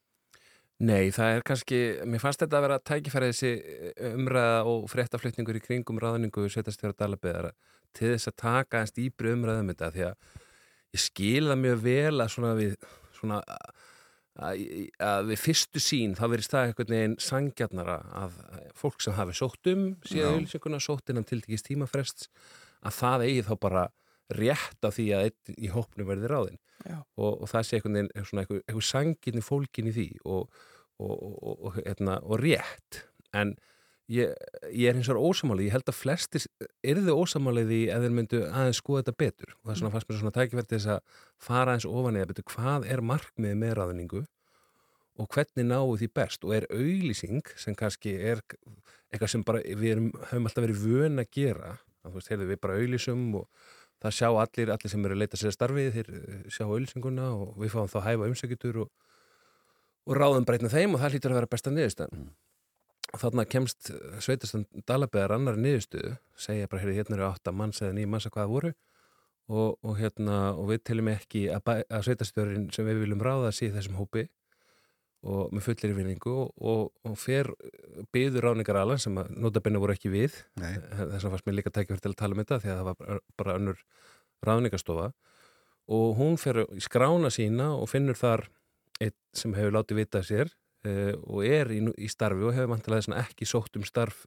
þetta starf til, til að mynda vegna þess að fólk sækir almennt ekki um störð þar sem umsækjit eru byrt Mm. eh, ef það er í starfi sem að eh, hérna, óttast annars að missa þannig að mér fannst bara gott að tala um það að, heyrðu, þarna er ráðningaferli e, og það er ákveðin hérna, markmiðum að ná að ráða sveitastu fyrir tildekinn tíma nú eru sveitastu liðnar í vor og, og þeir vilja fá vantalega sveitastu fyrir höstið e, X markir komur um úr auðlýsingu e, við erum með einhverjar kröfur sem við erum búin að setja niður, við erum kannski með einhvern hóp hjá vegum sveitafélagsins ásand sérfræðingi fyrir ráðningastofinni sem ætlar að meta umsækjutur og mér finnst bara algjört aukaðri hvaðan, hvernig við finnum umsækjutuna Mm. ég meina þeir geti verið eh, að því við getum til dæmis ím- ímyndað okkur að auðlýsing hún, við vitum bara að það er bara mjög lítið mengi sem sér hana bara færið sem lesa blöð aðverðlinsleikar aðalega byrtar í tveimu blöðum í morgunblæðinu og fréttablæðinu Mhm. svo er það byrtar stundum á vefsíðum til dæmis dalabyðar í þessu tilfelli eða í, á vefsíðin svo Alfreð sem mm Mhm. sapnar saman aðverðlinsleik og býður upp á byrting á þeim en þetta er samt bara hluti hópsins þannig að oft þekkjum við það að það er löst starf til þeim setna rást hög að þið eru kannski líklega eru í útarsbransanum til þess að minnast á það eða vitið um eitthvað sem er uh, að horfa í kringu sig. Mhm. er það þá orðið svindl? Að se, skilji, nei það er bara sama markmið að fá sem flesta hæfa umsækjendur. Já. og, og hvort sem það er hven, hvena sem það er í ferlinu ákveðið að heyrðu, við þurfum að fjölga umsækjendum eða við þurfum að við erum ekki að fá nóg mikið gegn þær kynningalýs sem við erum að að, hérna finnst mér ekki skipta máli. Mér finnst reyndar ætti ég að gera það meira í upphafi vegna þess að við sjáum að, að, að veist, við erum að fara gegnum eitthvað ráðningaferli fólk er bóðið við töl og svo gera eitthvað próf og láta gera kynningar og, og annað viðtal og svo framvegis að tala við umsagnar aðla og ef við viljum hafa góða kasta að velja úr að loka metrunum því að sumir bara kemur ljósa sumir pass ekki á einhverjum ástæðum hafi ekki réttur einsluna bakgrunn að þá þurfum við að tryggja að heildarmengið uppafi sé með nógu, fyrsta lagi nógu sterkum umsækjutum og hins vegar bara fjölbreyttum. Ólíkum aldri, ólíkum kyni. Þannig að segjum að sæki bara mjög einsleitur hópurum þá finnst mér að vera sterk rauk fyrir því að setja vinn í það að ringja spurist fyrir, láta vita uh, ringja einhvern í sama geira og heyrðu, veistu með einhverja öfluga þessu kynni eða þessum aldri? Mhm. Kannski einhvern sem er með, ekki með formulega mentun eða bara, eða, eða einhvern sem er meiri formulega mentun, þannig að við viljum fjölbertan bakgrunn. Já, en þannig að það eru þá engar svona beinharðar reglur um þetta eða lög eða neitt slíkt sem að gera kröfu til dæmis þau sem sóttu um þetta starf sem við vorum að ræða hérna uppálega og fengu ekki uh, þau enga kröfu á, á neitt Ég sko, eh, ég myndi ekki segja það, eh, sko, eh, í þessu tilfelli, nei, í rauninni ekki, því að það er bara, það er heimilt að, eh, að ráða án auðlýsingar í mjög mörg störf, en, en, en það er í ákveðinu störfum til dæmis í hennu ofber og ég til hendar að það sé of mikið, eh, hérna, eh, það sé ómarkareglur um störf hennu ofber, til dæmis þessi byrting nafna sem fæli, Þetta fælir ábyggla marga frá. Það gerir það og, og í rauninni, mér finnst líka bara að við getum sett þetta fram bara svona svipa, eða semst dæmi, ef myndum snúi þessu upp til dæmis, segjum að við verum gjaldkýri húsfélagi í blokki árbænum og það þurfti að fara bara í stórvirkar hérna, steipufrangandir og viðgerðir á, á, á blokkinni og við myndum auglisetti verktaka eða senda á nokkuð verktakafyrirtæki og fengjum litlar undirtektir Mm. og erum við bundin af því að semja við einhvern af þeim sem að svöruð okkur eða, eða svöruð auðlýsingunni Mhm. Nei, við getum alveg fara að spurst, við getum séð hérna blokkinu við hliðinu sem var góðu verktæki en hann sótti einhverjum ástæðum ekki um. Mm. Kannski bara einhver sem að skildi ekki alveg verklýsinguna og taldi þetta ekki vera fyrir sig og svo þurfum við útskjörum, já, heyrðu, þetta henda mig kannski bara mjög vel veist, eins og getur gert með atvinnauðlýsingar þannig að það er einhvern veginn fráleitt að þessu hagsmunir þeirra sem er að ráða eða hagsmunir, þú veist eh, hérna okkar sem að viljum að sem hæfast ræðis í ráðin að það sé einhvern veginn þreynda því með því að, að, að hérna, það sé bara það sem sjá, sáu atvinnauðlýsinguna Mm. og ég, núna erum við í, að dettin í lók júli og núna er þekktu tími til dæmis að, að því það, þessi krafum að byrta auðlýsingu þú veist, hún verður alltaf stundum að okkur skrýpaleik að núna oft byrtast í lók júli auðlýsing fyrir störf sem að þarfa að auðlýsa Mm. en það er rauninni búið að finna aðilann hann hefur kannski ráðan til reynslu eins og hjá hann ofnbara, Mm. 6 eða 12 mánuði 6 mánuði sen starfið auðlýst í lók júli kannski einn eða tveir sem sjá sækjum. Viðkomandi er hæfastur. Þannig að e, auðlýsingi finnst mér vera bara, þetta er svona ákveð þetta er ákveðin svona e, distraction að ég veist sletti. Mm. e, aðlættir bara að kynna starfið. Það má vera með símtölum, Facebook skilabóðum gegnum tengslanleiti okkar, fólki sem vinnur á vinnustæðnum bara því fleiri umsækjutur aðlættir er að, að ráðningaferli sé vandað Já. Já. En, en er ekki þessi uh, umræða sem að við þekkjum um klíkuskap? Ég meina þarf ekki að vera eitthvað svona ákveði gegnsægi í þessu ferli þannig að við fáum ekki þá umræðu í gang. Já, já, þetta er, hann ræður bara alltaf frænda sinn og eitthvað svona. Sko í fyrsta lagi held ég að það sé miklu óalgengara að það sé verið að ráða frændaðina því við vitum alveg hvaða frændi er klára og hvaða frændi er vonleysi vinnu sko. Mm. Veist, og það getur vel verið ráðan frænd okkar í einhverja vinnu þegar við megum það sjálf í fyrirtækinu sem við stjórnum sjálf við vitum að viðkomandi er bara rosalega dölugur Já. eða rosalega góður í starfinu og það er bara besta leið. Ráðningar snúast rosalega mikið um að minga á þetta af rángri, af mistökum, af því að ráða ránga mannesku og þess vegna er mjög algengt að fólk græður sama fólkið þegar það færi sig kannski um set og, og hérna, getur ráðið til sem samstagsfólk að það fylgi þá eitthvað samstagsfólk það hefur kynst á fyrir vinnustöðum. Mm. Það er að tala um það sem klíkuskap en það er líka að tala um að bara, heyrðu, hérna, þetta er fólk sem það veit hvað það fær út úr, kann að vinna með, getur bara eðlar skýringar. Já, þá erum við kannski að tala um dæmi þar sem að, að stjórnendur færast á milli stofnana og, og, og vilja hafa eitthvað sínu líkil fólki með sér yfir á nýjan stað. sem getur bara verið jákvætt í, út, að viðkomandi stofnun eða eining virki vel og fungir vel að það sé fólk sem kunna vinna saman nóg sjáum við að fréttum það sem að fólk fer í mál og, og verða alls konar leiðinda því að fólk kann ekki vinna saman Já. Eh, þannig að það verður aldrei algjörlega fullkomin ráðning skiljið, þú veist, það er bara það er eitthvað sem er svona heila gral það er engin sem getur eins og vita því að við þurfum þá að sjá alla og það er ekki hægt einu svona að gera rannsók sem sýnir það sko, Nei. af því að við þurfum að láta alla hérna, byrja frá grunni í einhver starfi og svo metta eftir tíu ár en, en sko þetta að, e, að það sé e, að það er eitthvað svona sem við með fyrstu sín þá sem að já, einmitt, það er bara tryggir að, að við sjáum að það er engin klíkuskapur, við sjáum hver er sótt um og hver var ráðin Mhm. en við þurfum ekki að byrta þessu nöfn hjá henni umbera vegna þess að segjum ég sækjum starf og, og, hérna, og svo sé ég einhver annar ráðin og ég til mig vera hæfari ég veit áfram, ég get áfram kært þá niðurstöðu og, og sagt hérna ef ég er hjá henni ofnbæra og sagt ég er miklu hæfari, hvað er með þessa ráningu og svo er það skoðað annarkort frá jafnbreytti kynjana eða, eða, eða hérna bara fyrir domstólum og, og ég fæ mögulega bætur eða, eða, eða rétt, það er ekkert sem þýðir að, að, að byrta öll nöfni tryggja okkur eitthvað betur. Því að við munum alltaf vita hver er ráðin Mm.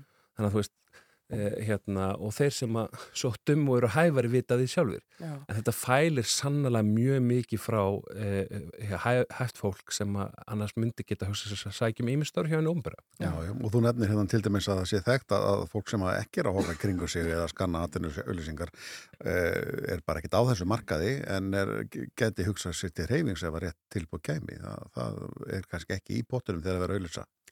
Akkurat, ég meina, haldið að ég hef bara tekið nú er fótboltinn á fullu í hérna stelpunar í Hollandi. Meina, og Sara Björk var að fara til Juventus. Haldið að Juventus hafi bara hendu auðlýsingu í lofti og vona einhver stelpa einhver öflug stelpa í, að spila í Þýskalandi eða á Íslandi sjá, sjá auðlýsinguna. Nei, það eru njósnarar og, og þú veist, það er hérna haft samband og Já, það eru hausa veðarar eins og þeir eru kallaðir. Já, og, og, og, og það þarf, þannig að mér fannst þetta svona sérst þetta e, og, og, það, og bara það er þetta snúið sér við að, að hérna Minna, ef við viljum hafa fullkomi sangirni, fullkomna sangirni og við viljum fá að besta fólki fáir störfin sem að hérna, það er best í Mm. þá er auglýsing ekkert eh, rétta, eina rétta leginn til þess Mm. Eh, ég myndi oftast byrta auglýsingu en það er samt, ég minni hluta í raunverulega í aðurlífinu, bara ýmsum ástæðum oft tíma skorti Já.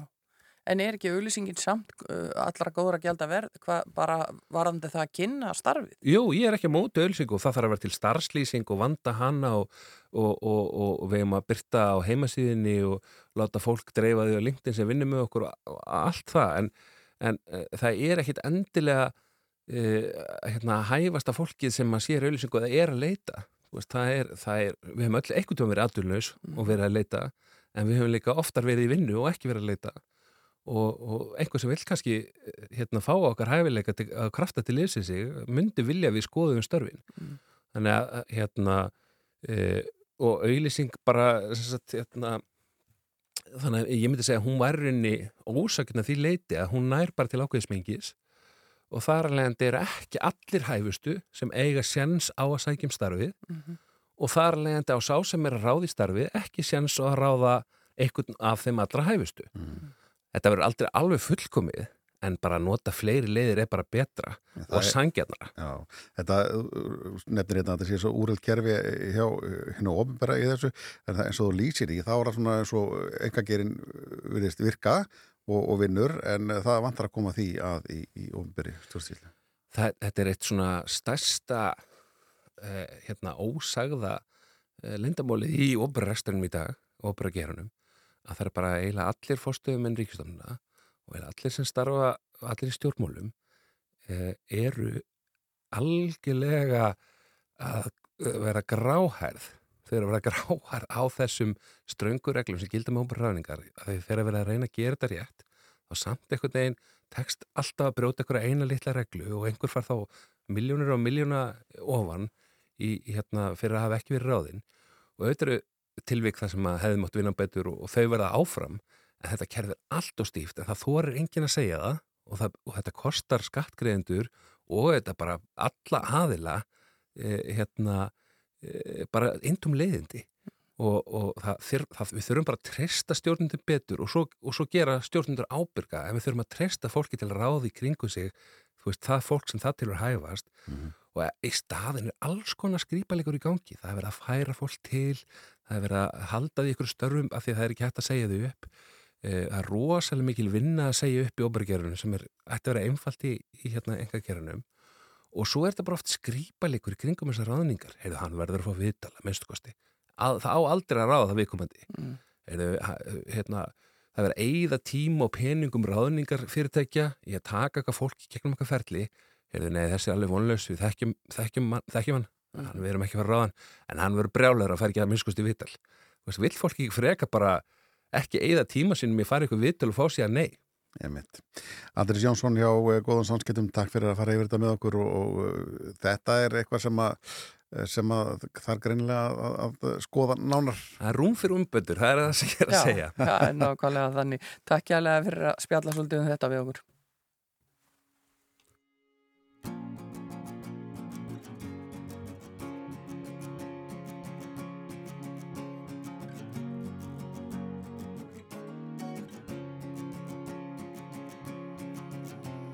Ég man hvernig það var. Að dansa alla nóttin í herjólstað Sé þig í ljósunum. Með lífið þar hindislegt á heilanum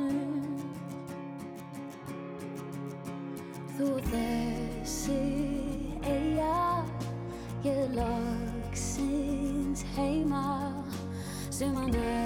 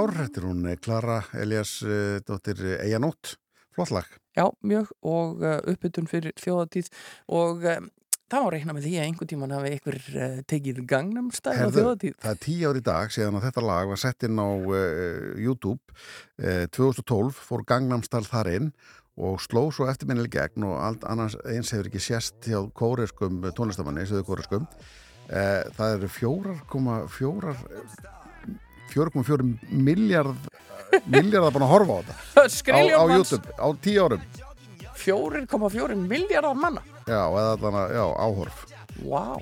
4,4 já 4 miljardar 478 miljónir 757 451 áhorf. Gangnam Style. Nú dansum við. þetta er það mikið að við, við getum ekki talið svona hátt. Við kunum ekki svona háa tölu. já, kallega Já, en hérna, já. tíu ára amali Ef við ekki bara hendi í dansinn hérna og spila þetta fram að fyrir þetta yfir liti. já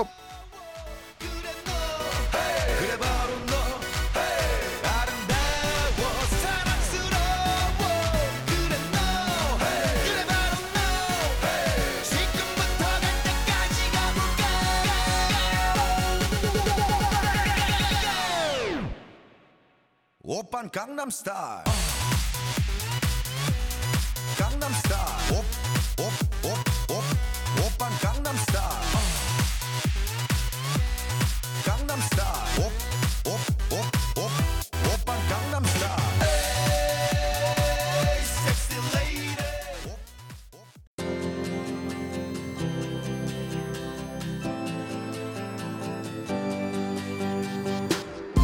ert að hlusta á morgunútvarpið á Rástvö.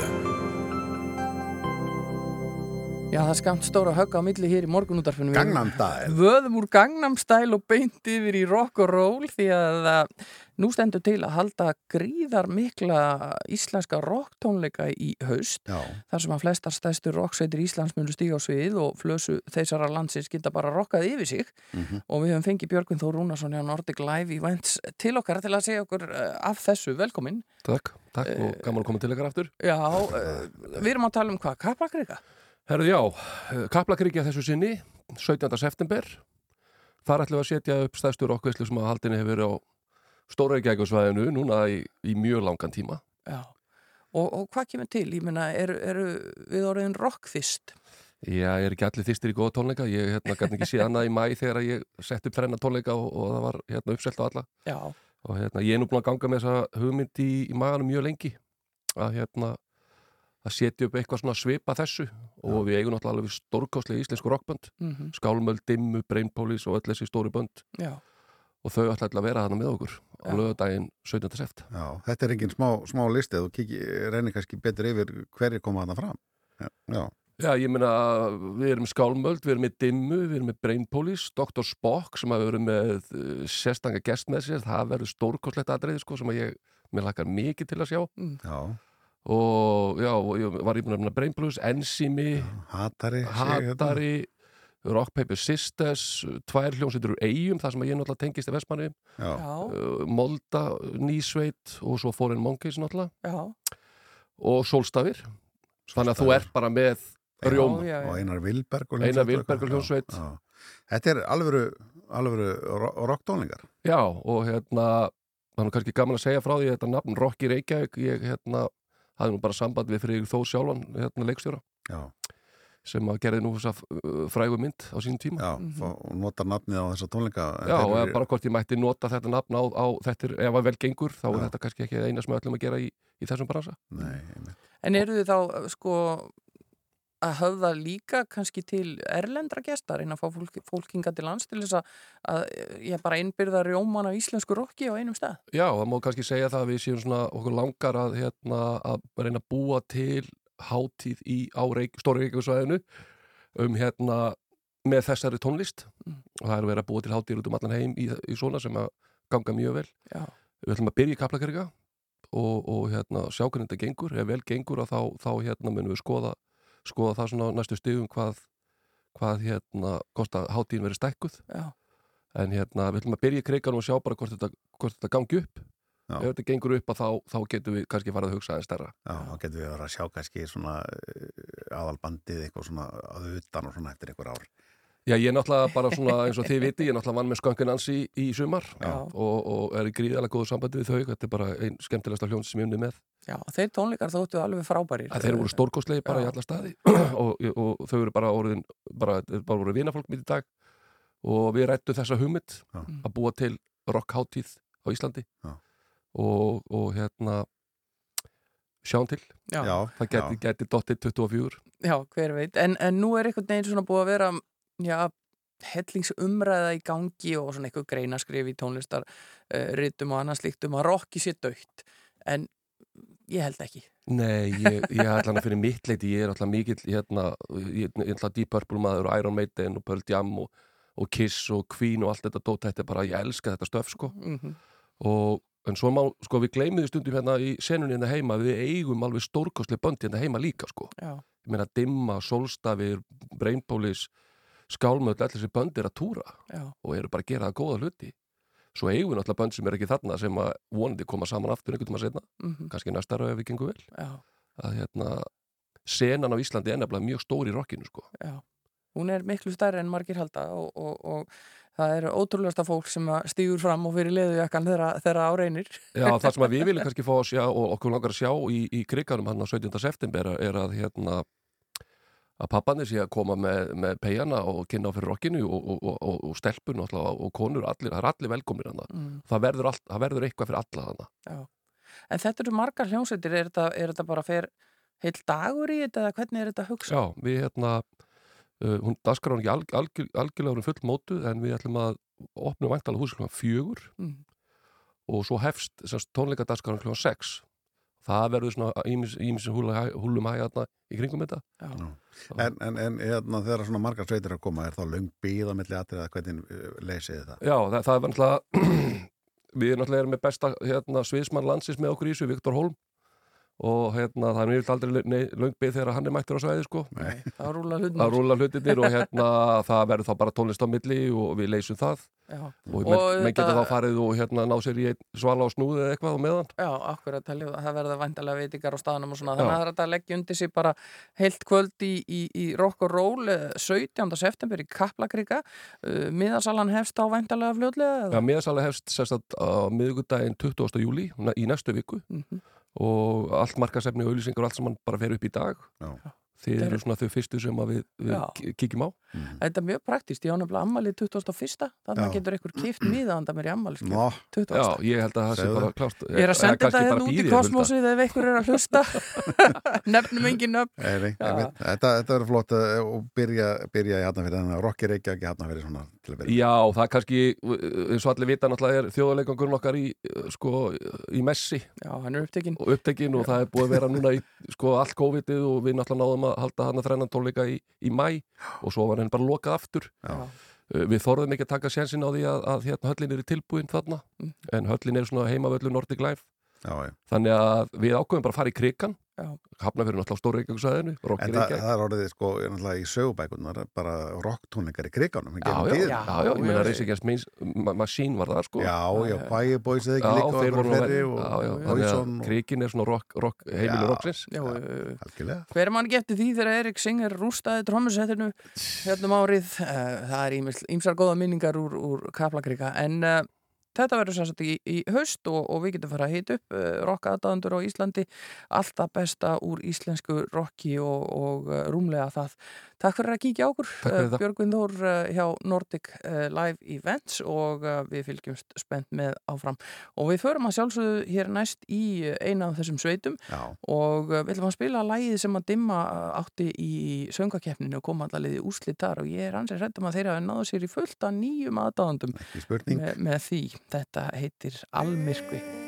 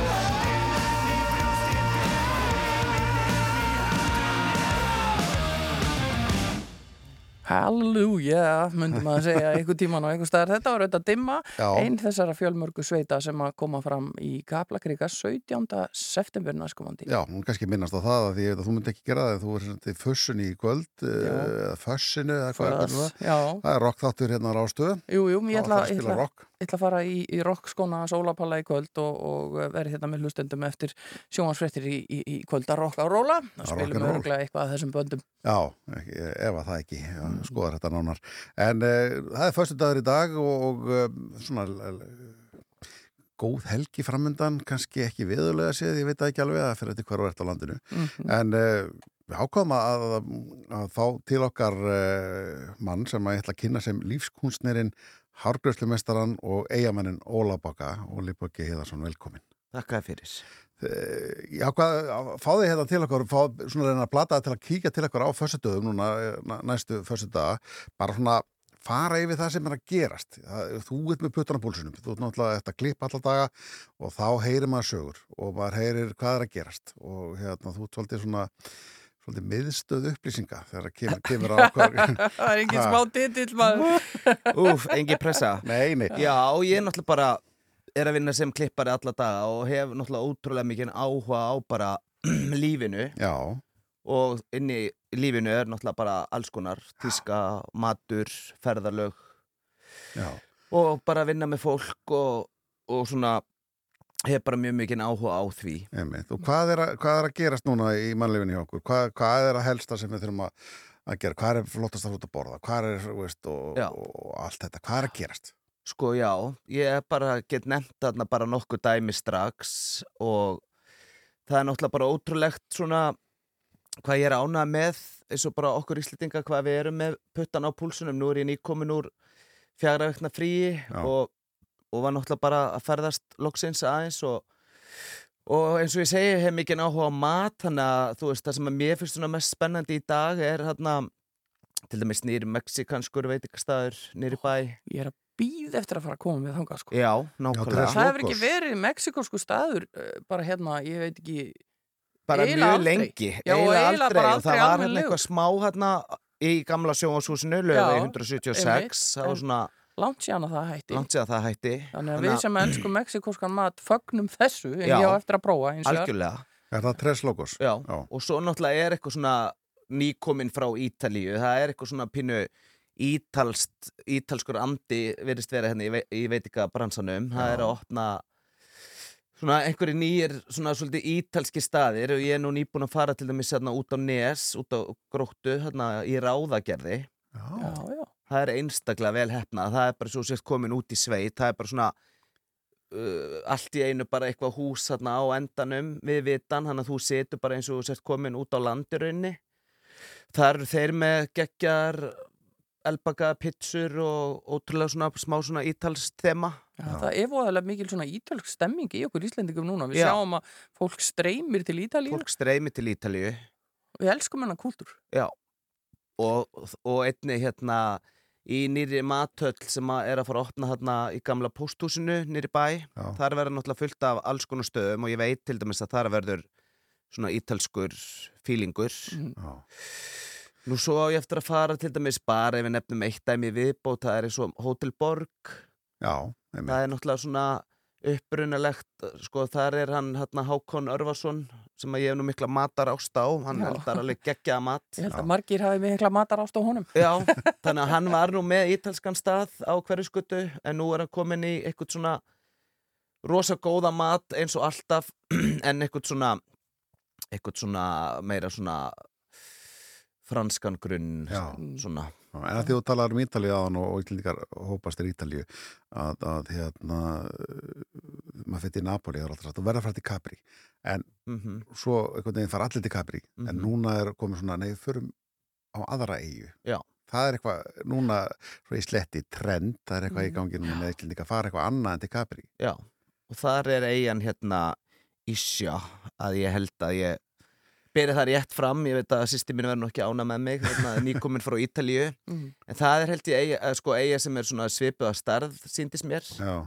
og það er hérna hún hann norðar Já, og tengist örglega eitthvað hérna framúrskarandi vinkonu þáttunum sem voru síndir hérna á, ah. á, í sjónvarpinu þar voru mikið þar Jú, jú, og svo leikritið eh, sem var sett upp í þjóðleikursinu Já. líka á þessu Já. þannig að, að það er, eh, ég held að einmitt þessi þættir hafi svolítið ítt undir þetta ítalju trend, ef við getum orðað og ég tek ótrúlega vel eftir að því að rétt fyrir COVID þá flög ég mitt til Napoli og fór á Amalfi ströndina og tók alla bæina þar Já.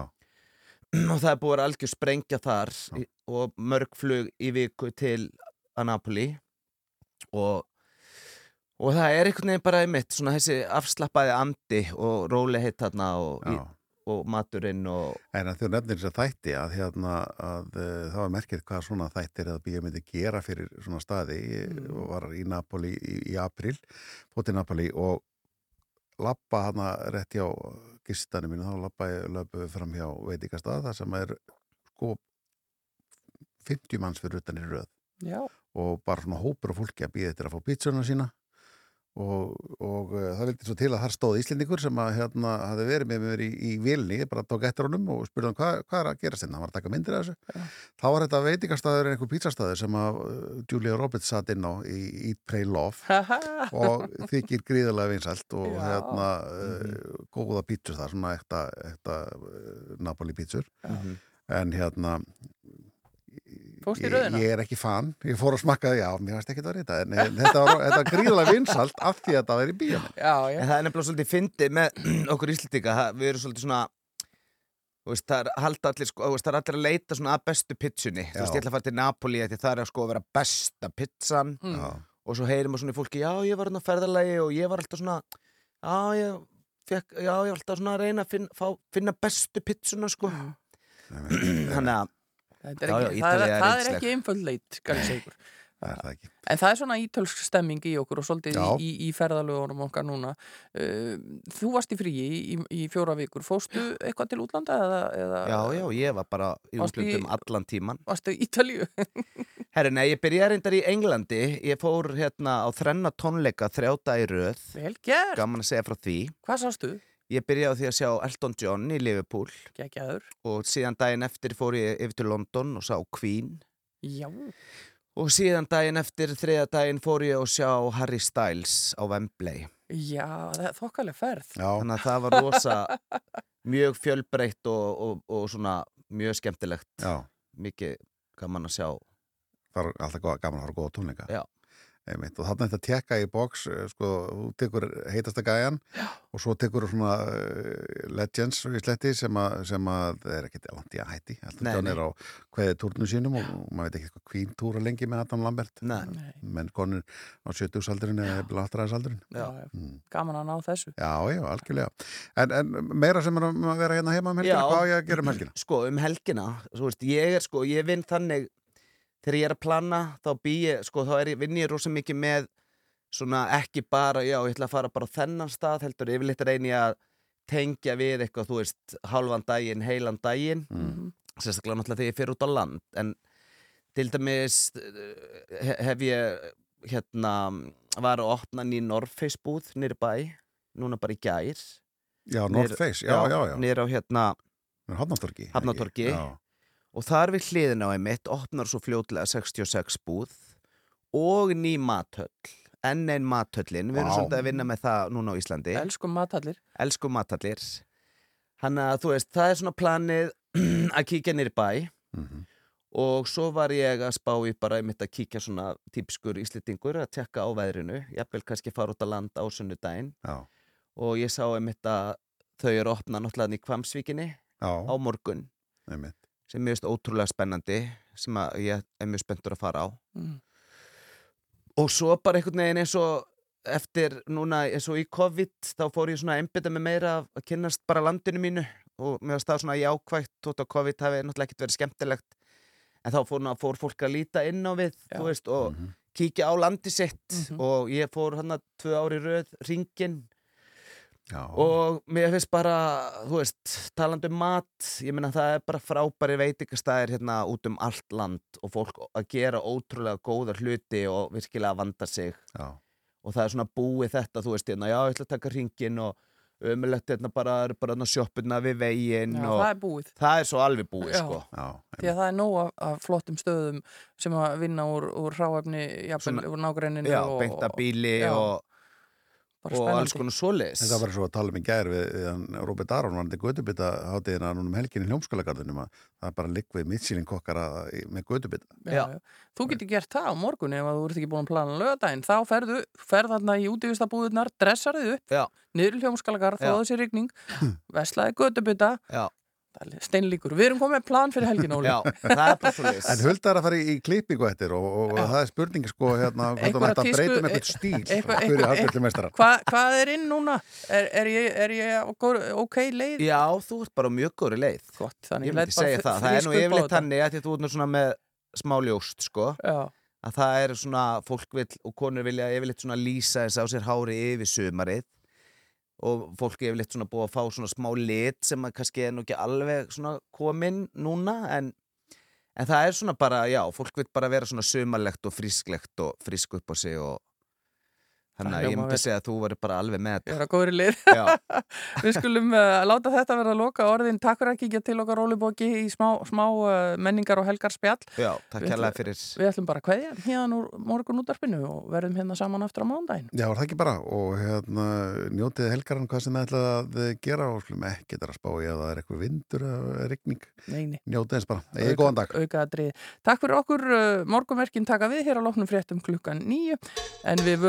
Egið góðan